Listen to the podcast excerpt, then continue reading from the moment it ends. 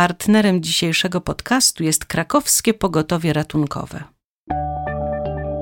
Praktycznie BHP, czyli ludzkim głosem o bezpieczeństwie i higienie pracy w Twojej firmie.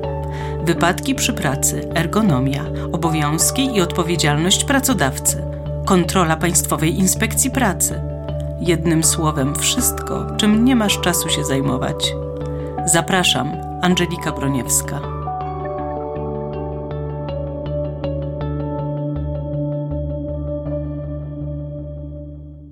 Dzień dobry Państwu. Miło mi gościć w studio pana Pawła Łukasiewicza, ratownika medycznego krakowskiego pogotowia ratunkowego. Dziękuję, że znalazł pan czas na rozmowę z nami. Witam serdecznie. Pracuje pan na co dzień w krakowskim pogotowiu ratunkowym, które było pierwszym w Polsce działającym pogotowiem i drugim w Europie. Zgadza się, zgadza się. Jest to najstarsze pogotowie ratunkowe w Polsce, no i chwalimy się tym. Od jak dawna pracuje pan w tym krakowskim pogotowiu? No w tym momencie to już 16 lat. To kawałek czasu rzeczywiście. Tak, tak, to naprawdę długo. Zachęcam też Państwa do odwiedzenia strony krakowskiego pogotowia ratunkowego i zobaczenia fantastycznego zdjęcia przedstawiającego jedną z pierwszych karetek pogotowia. To naprawdę trzeba zobaczyć.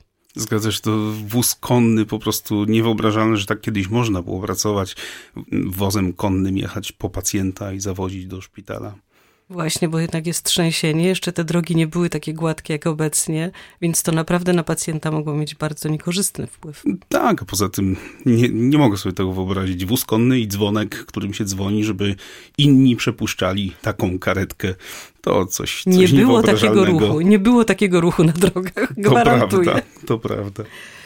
Proszę pana, bardzo dużo mówi się i robi w kwestii pierwszej pomocy udzielanej osobom, którym zatrzymało się krążenie lub które straciły przytomność. To oczywiście niezmiernie ważne, żeby każdy z nas wiedział, jak się zachować w takiej sytuacji, jak pomóc drugiemu człowiekowi. Jednak, gdy mamy do czynienia z wypadkiem przy pracy, zakres pierwszej pomocy jest często zupełnie inny. Co zrobić w przypadku pojawienia się krwotoku w związku z okaleczeniem ręki lub nogi? Jakie powinny być pierwsze działania osoby udzielającej pomocy poszkodowanemu? Okej, okay, no będę podkreślał, że pierwsze to należy zadbać o własne bezpieczeństwo, czyli na przykład w przypadku krwotoku zabezpieczyć się, ubrać jakieś rękawiczki jednorazowe i działać w rękawiczkach, zabezpieczyć się, czy osobę, która ratuje, która pomaga. No a jeśli chodzi o krwotok, to przede wszystkim ten krwotok musimy zatamować. Krwotok, czyli mam na myśli, gdy krwi płynie dużo, to musimy ocenić po prostu na miejscu, wizualnie. Jeśli wydaje nam się, że tej krwi jest dużo, jak najszybciej tamujemy krew. Jeśli to jest coś niewielkiego, jakieś zadrapanie, coś, coś, coś małego, oczywiście tamujemy też krwotok, natomiast w inny sposób. Jeśli to jest coś małego, tamujemy, szybko krew przestanie płynąć, zakładamy opatrunek osłonowy. Jeśli to jest duży krwotok, duża rana, tamujemy przez bezpośredni ucisk na ranę, mocno przytrzymujemy dłuższy czas, parę minut nawet i jeśli krew przestanie płynąć, jeśli krwotok ustanie, zakładamy opatrunek uciskowy. Właśnie, no nie wszyscy mamy stazę pod ręką. E, co powinniśmy, co możemy użyć, żeby właśnie taką, taką pomoc udzielić? Najlepsza byłaby apteczka. Apteczka i po prostu gaza i bandaż. Czy to będzie elastyczny, czy to będzie zwykły dziany bandaż, wszystko jedno. Natomiast spróbujmy użyć środków opatrunkowych, jeśli, jeśli są dostępne.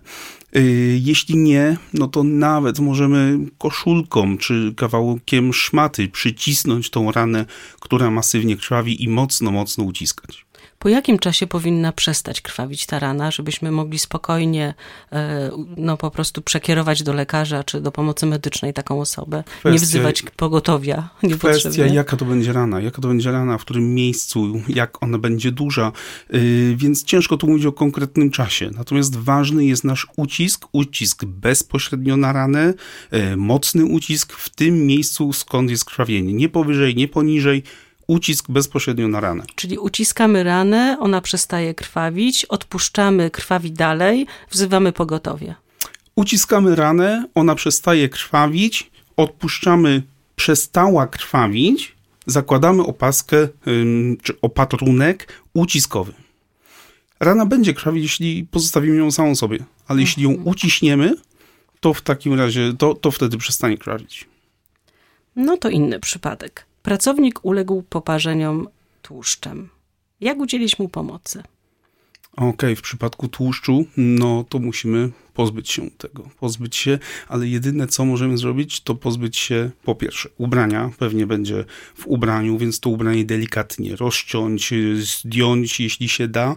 Jeśli coś przywarło do skóry, jakieś elementy ubrania, to wycinamy, obcinamy, nie wyrywamy ze skórą tego ubrania, które mogłoby przywrzeć do skóry. Jeśli już pozbyliśmy się tego ubrania, tego z miejsca, które jest, które jest polane, poparzone, e, no to spłukujemy obficie dużą ilością wody, e, nie zimnej, nie ciepłej, takiej letniej, spłukujemy obficie i w zależności co będziemy widzieli, czy to będzie oparzenie, czy to będzie tylko miejsce, które jest bolesne, zakładamy opatrzynek osłonowy. Jeśli to będzie hmm, zaczerwienienie, pęcherze z płynem surowiczym, czy jakieś e, rana, zakładamy opatrunek osłonowy, suchy, czyli też przydałyby się środki opatrunkowe, gaza, przyczepiamy, bandażujemy delikatnie, osłaniamy tylko tą ranę przed czynnikami zewnętrznymi. I tu koniecznie gaza, prawda? Nie używamy waty, nie używamy takich rzeczy, które potem trudno usunąć ze skóry. Zgadza się, zgadza się, żeby nie taka wata, czy, czy, czy jakaś lignina, papier toaletowy, chusteczki higieniczne, absolutnie nie, bo to przywrze do skóry, przyklei się i później trzeba będzie to zmywać, usuwać, to jeszcze trudności później. Rodzi. Kolejne pytanie, kolejny przypadek. Co zrobić, gdy doszło do urazu głowy? Gdy rozcięta jest skóra, pojawiła się krew, poszkodowany jest przytomny i mówi, że nic się nie stało. Co robić? Okej, okay, skóra głowy bardzo dobrze krwawi, bardzo jest duże krwawienie ze skóry głowy, natomiast y, łatwo to zatamować. Łatwo to zatamować przez bezpośredni ucisk na ranę i tak naprawdę bardzo szybko mm, ta skóra głowy przestaje krwawić. Źle wygląda na początku, bo jest dużo krwi, ale wystarczy przycisnąć bezpośredni ucisk na ranę, skóra przestaje krwawić i mamy ranę. Co dalej? No jeśli wydaje nam się, że rana jest duża, trzeba będzie się udać do szpitala, żeby ją szyć. Jeśli rana jest mała, jakaś niewielka, mimo wszystko niewielka, ale może dobrze na początek krwawić, no to opatrunek osłonowy i zostajemy z taką raną, sama się zrośnie. No tak, po urazie głowy, nawet niewielkim, ważna jest też obserwacja poszkodowanego. Sama rana może być nieznaczna, jednak mogło dojść do krwawienia wewnątrzczaszkowego. Dlatego takie objawy jak nudności, wymioty, nadmierna senność, zaburzenia widzenia czy zawroty głowy powinny jednak skończyć się wizytą na sorze. Inny przypadek. Uderzenie w brzuch. Pracownik bagatelizuje zdarzenie, nie widać żadnych obrażeń, jednak inni współpracownicy widzą, że co chwilę dotyka miejsca uderzenia, czyli jednak coś tam się dzieje. Czy to może być niebezpieczne? Niebezpieczne, tak, oczywiście. Wszystko zależy od tego, jaka siła zadziała na ten brzuch, na tego człowieka. Natomiast zobaczymy, co. Hmm, w tym przypadku konkretnym stanie się z tym człowiekiem, który doznał urazu brzucha.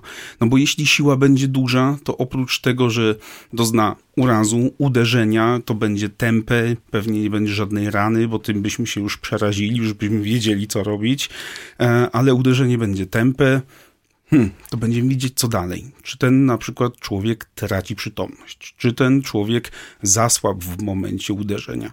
Mm, jeśli tak, no to znaczy, że siła była faktycznie duża, mogło się coś stać.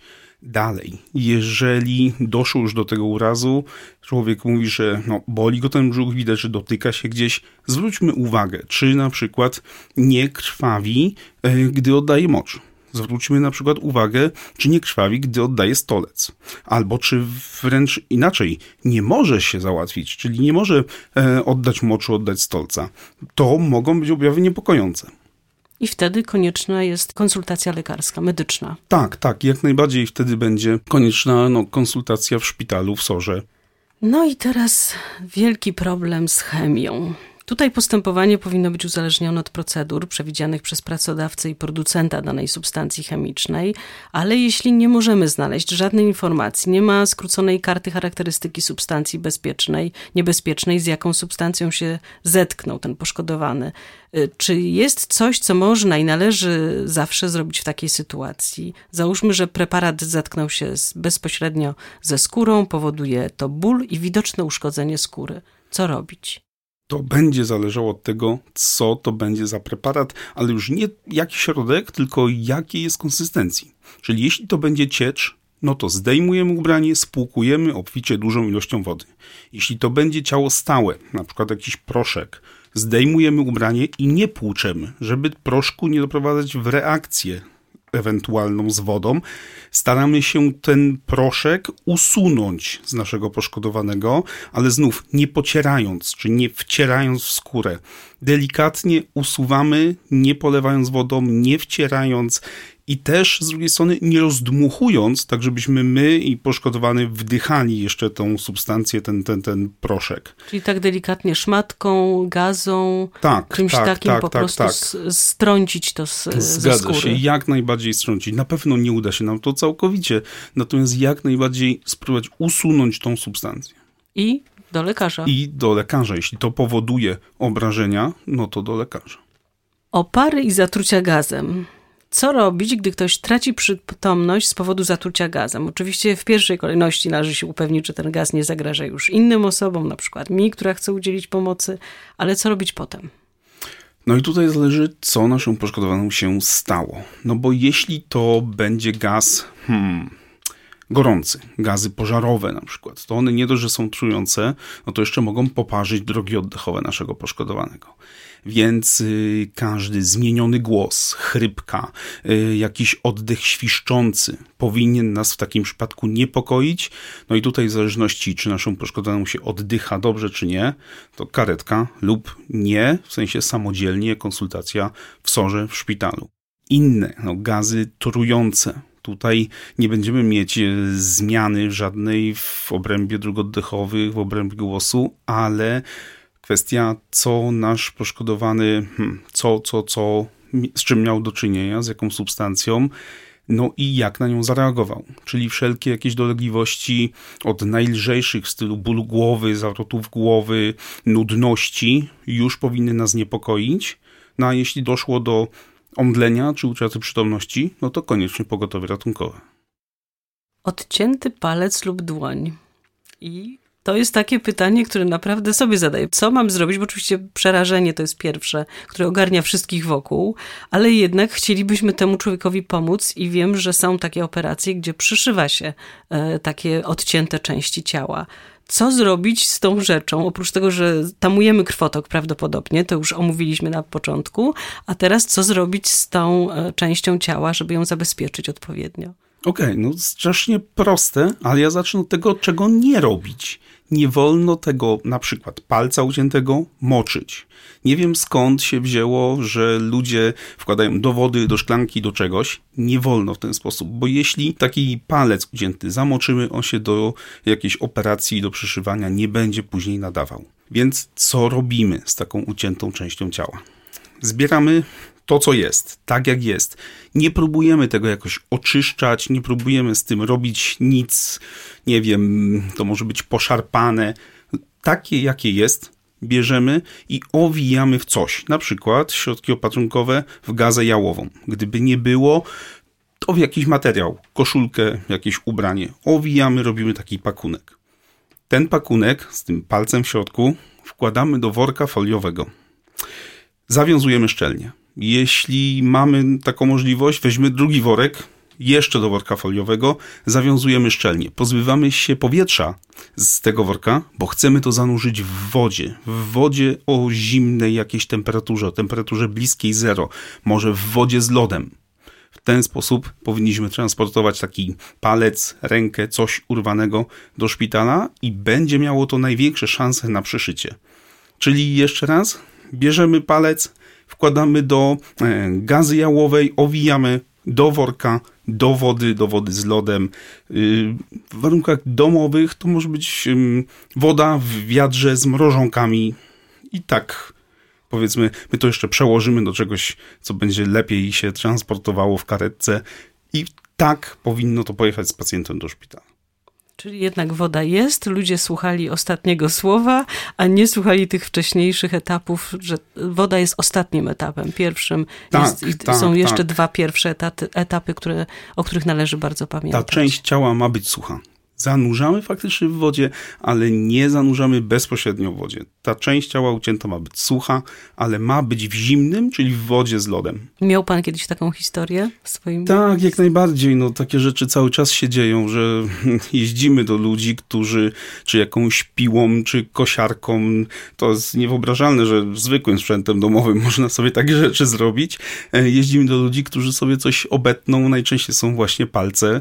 Y, no i jakby postępowanie jest proste, o ile ktoś już czegoś nie zepsuje wcześniej. A tym zepsuciem najczęściej jest ta nieszczęsna woda, szklanka i palec w wodzie. Coś strasznego. Zdarza się, że w zakładzie pracy pojawia się też dziecko. Co zrobić, kiedy dziecko połknie jakąś substancję chemiczną? E, pierwszy odruch matek to, żeby sprowokować wymioty. Czy to jest dobre postępowanie? Nie, jeśli chodzi o cieczę.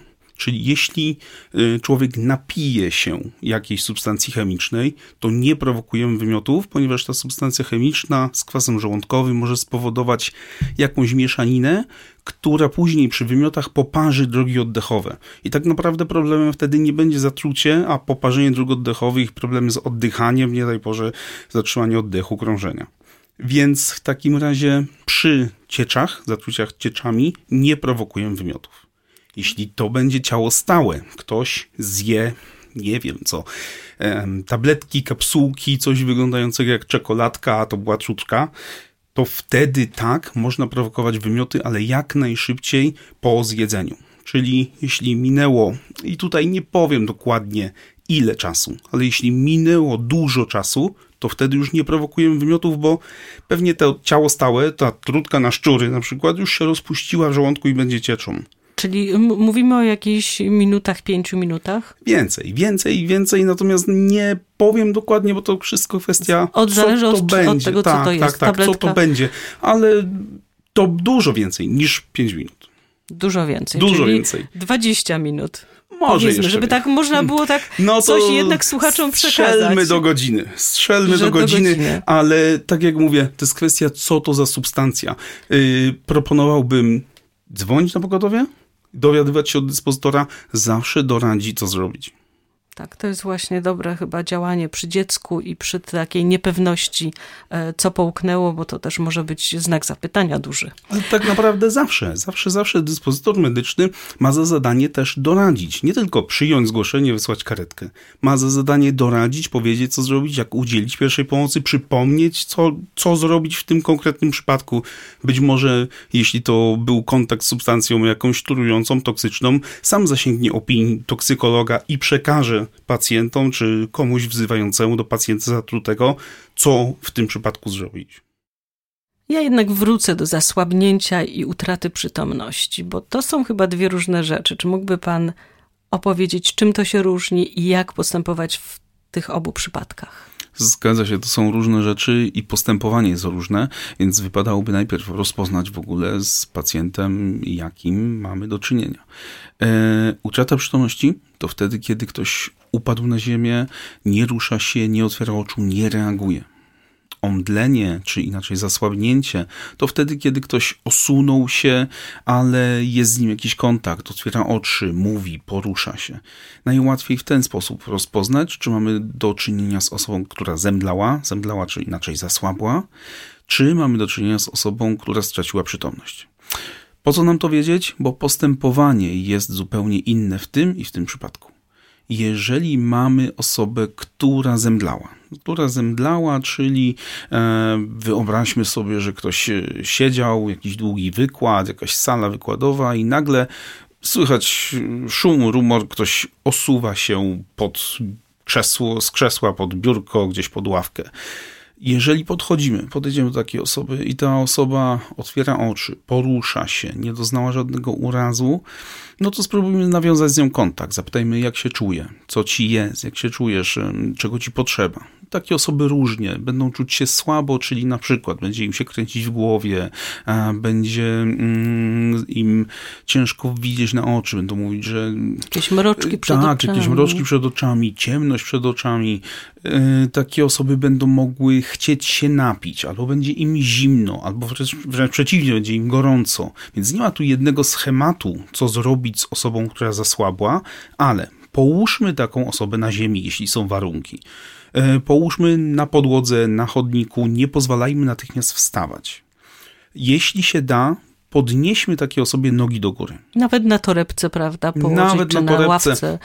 To ma być niby 20 centymetrów czy 20 stopni do góry, ale po prostu nogi troszkę wyżej niż reszta ciała. Jeśli są takie możliwości, żeby ta osoba leżała w jakimś dobrym miejscu, dobrym, mam na myśli, no nie w śniegu, nie w kałuży, tak, w bezpiecznym miejscu, e, to niech ta osoba leży już tam, gdzie doszło do tego omdlenia, czyli zasłabnięcia, podnieśmy jej nogi do góry, zapytajmy, co się dzieje, jak się czuje, czego potrzebuje, zapytajmy, czy na coś choruje.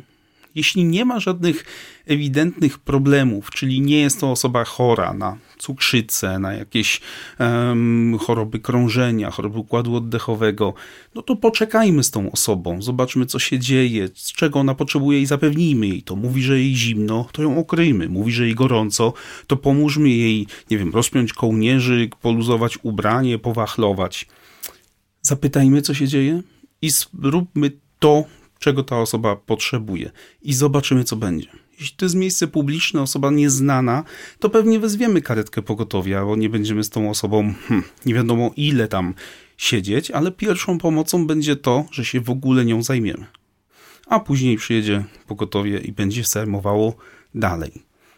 Natomiast jeśli to będzie osoba nam znana, ta osoba na przykład wie, że czasem jej się tak dzieje, albo um, ta osoba, która zemdlała, wie, dlaczego zemdlała. Nie wiem, trzy nieprzespane noce, bo egzamin. Nie jadła nic od Nie wczoraj. jadła nic, dokładnie. Albo wielki stres. No to w takim razie być może pogotowie Albo nie będzie ciąża, potrzebne. może też być ciąża przyczyną takiego omdlenia. Yy? No tak, no tak. No ale tu już gdyby e, kobieta powiedziała, że jest w ciąży, no to już myślałbym o karetce. Ale mm, myślę teraz o takich mm, błahych rzeczach, czyli nie jadła nic, wielki stres i zrobiło się słabo. To może jednak to pogotowie ratunkowe nie będzie potrzebne. Ocenimy to z tą osobą wspólnie na miejscu.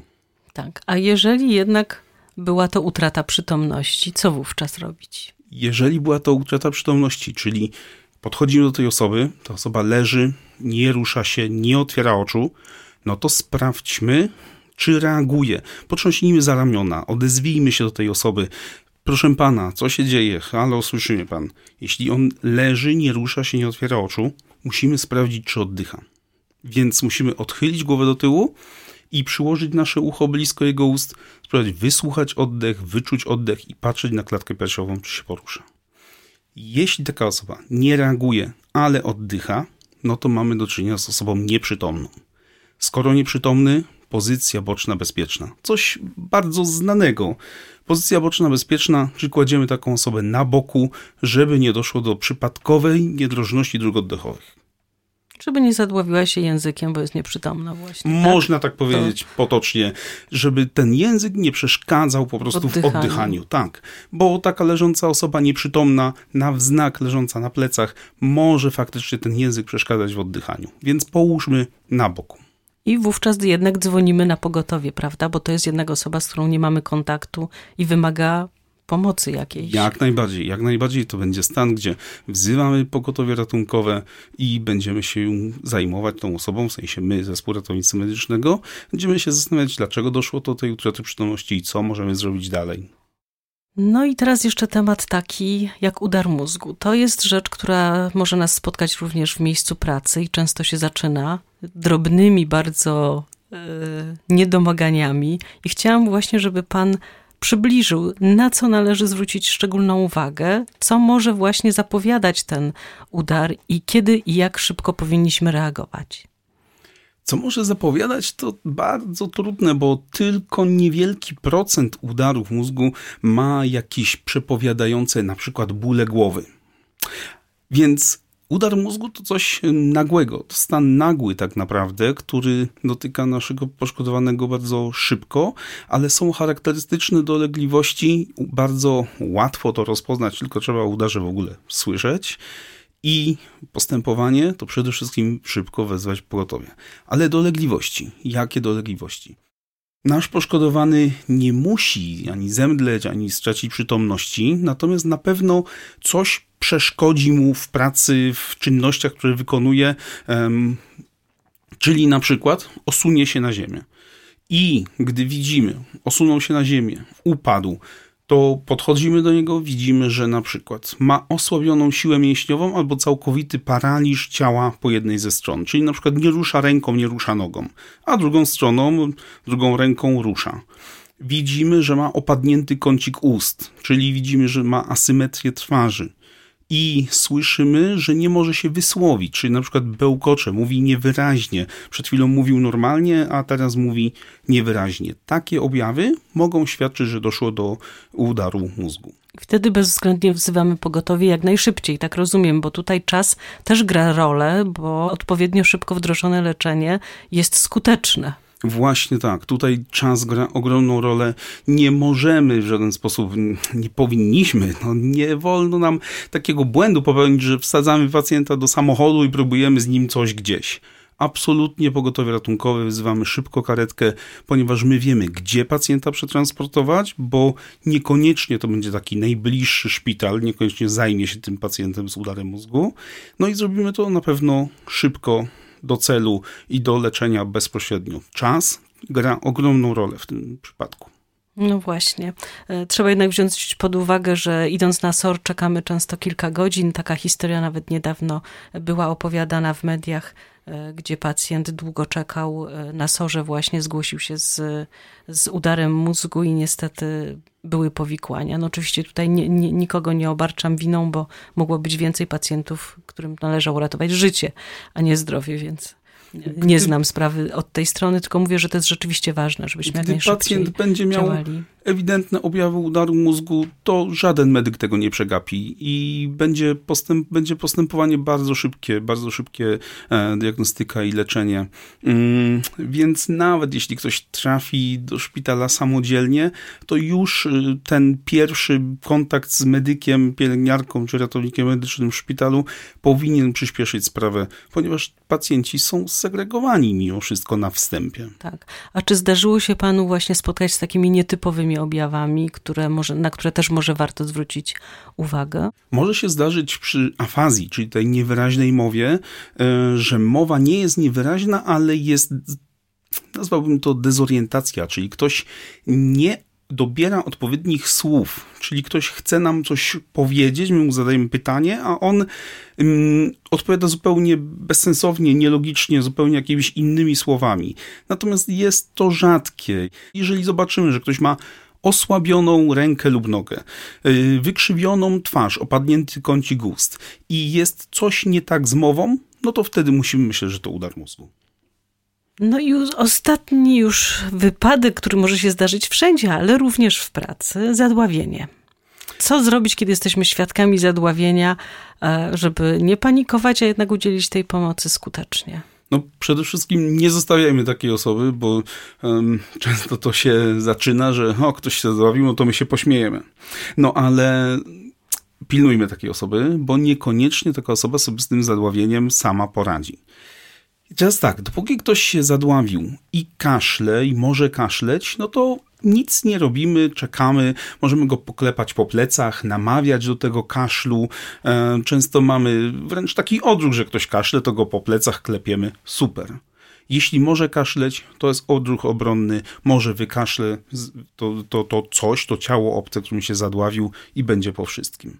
Natomiast jeśli ten kaszel staje się coraz bardziej cichy, coraz bardziej e, słaby, osoba nie ma siły odkaszleć, odkrztusić, musimy zabrać się za pierwszą pomoc.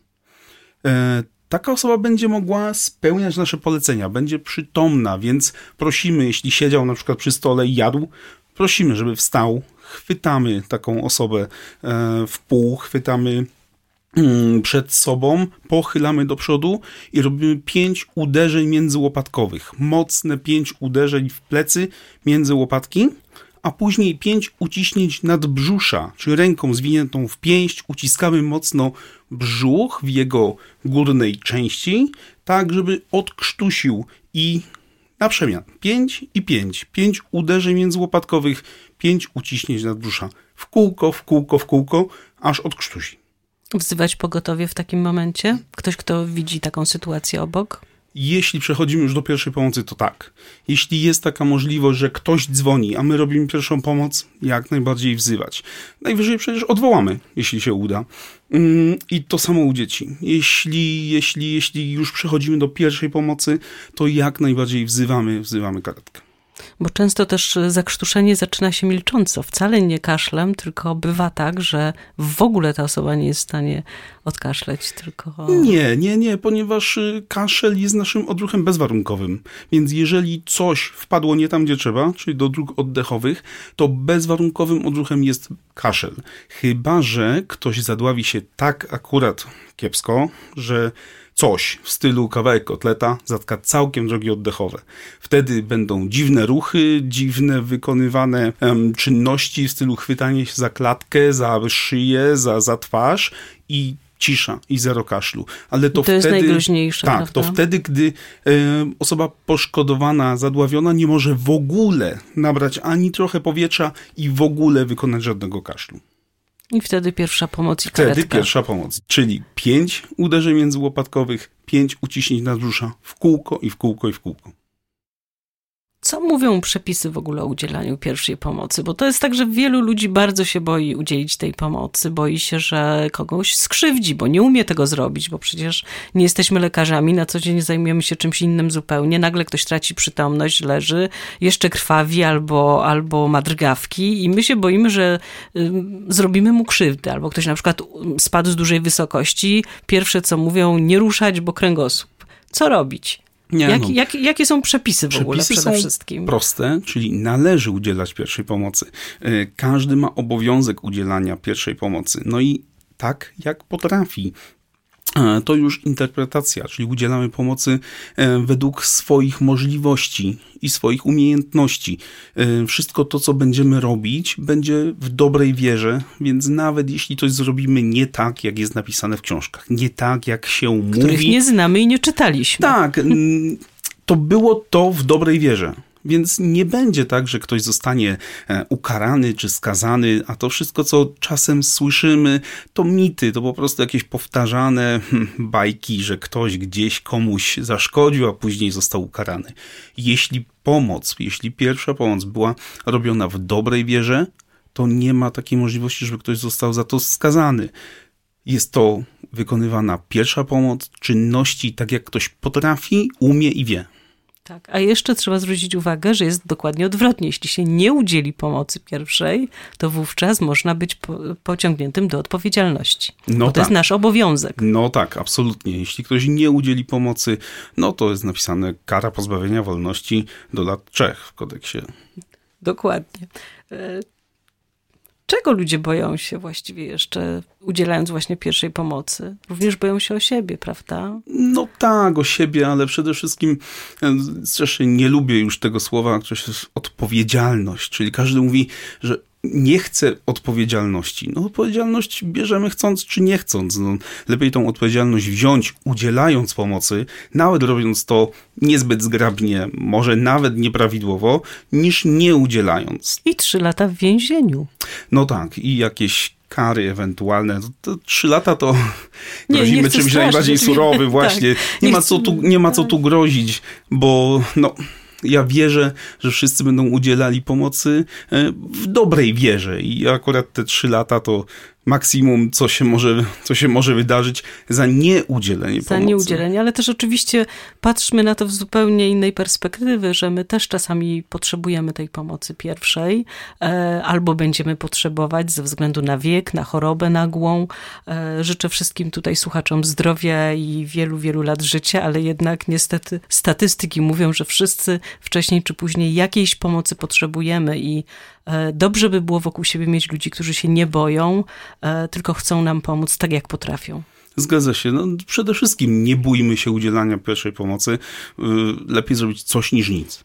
Czy mógłby Pan nam na koniec opowiedzieć o najtrudniejszej sytuacji w swojej karierze zawodowej, związanej z niewłaściwym udzieleniem pierwszej pomocy albo nieudzieleniem tej pierwszej pomocy? No, jak teraz o tym mówimy, to mam na myśli taki hmm, przypadek, przypadek dziecka, bo to chyba najbardziej robi na ratownikach. Na mnie również e, wrażenie, hmm, gdy właśnie dziecko wykrwawiało się bezsensownie, bo nikt nie chciał, może się bali. Trudno mi powiedzieć, jakie, jakie były przyczyny, ale nikt nie udzielał temu dziecku pierwszej pomocy i z dużej rany szybko lała się krew i pogarszała stan tego małego pacjenta.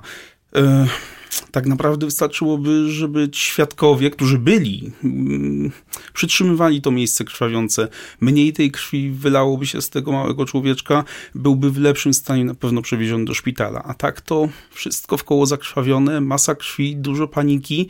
E, no a my jechaliśmy i jechaliśmy, jednak zakorkowane miasto, mimo że blisko, nie da się przelecieć, przeskoczyć.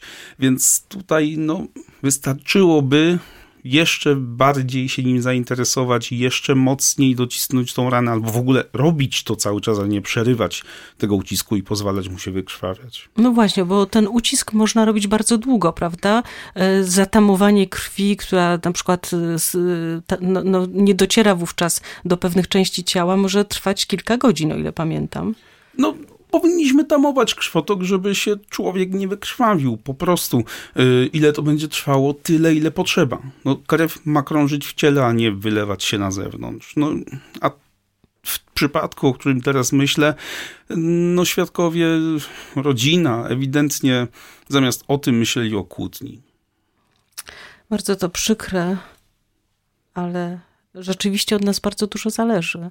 I ta rozmowa, może taka lekka w przebiegu, aczkolwiek o trudnych rzeczach, e, mam nadzieję, że Państwu zapadnie w pamięć i będziemy w stanie e, gotowości wobec drugiego człowieka.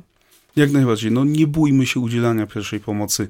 Na pewno pomożemy temu człowiekowi bardziej niż stojąc, patrząc, nagrywając, robiąc zdjęcia i tak jak się to teraz właśnie zdarza, tylko dzwonić na pogotowie, nic więcej i odejść. Proszę Państwa, może dzisiejszy wieczór spędzimy w internecie, obejrzymy filmiki o pierwszej pomocy i raz w roku będziemy sobie przypominać, w jaki sposób możemy pomóc drugiemu człowiekowi. E, nie zostawiajmy nikogo obok bez pomocy. Bardzo dziękuję za przybycie do studia. Naszym gościem i ekspertem był dzisiaj pan Paweł Łukasiewicz, ratownik medyczny krakowskiego pogotowia ratunkowego. Dziękuję bardzo. Dziękuję bardzo. Na koniec chciałam jeszcze bardzo podziękować naszemu partnerowi, sklepowi internetowemu isprzęt.pl, dzięki któremu to nagranie mogło się odbyć. Partnerem dzisiejszego podcastu jest krakowskie pogotowie ratunkowe. Ty też możesz zostać partnerem podcastu. Może jest temat, który Cię interesuje. Borykasz się z problemami w zakresie BHP i nie możesz znaleźć nigdzie odpowiedzi, jak sobie z nimi poradzić? Spróbujemy Ci pomóc. Napisz do nas na adres biuro.małpaipomocni.pl Jeśli podoba Ci się to, co robimy, wesprzyj nasze działania. Jesteśmy na patronite.pl ukośnik fundacja i pomocni.pl Każda wpłata jest jak głos za. Potrzebujemy tego jak wody i powietrza. To dodaje nam sił. Pozdrawiam i do usłyszenia. Podcasty stanowią część kampanii Bezpieczeństwo czy szaleństwo.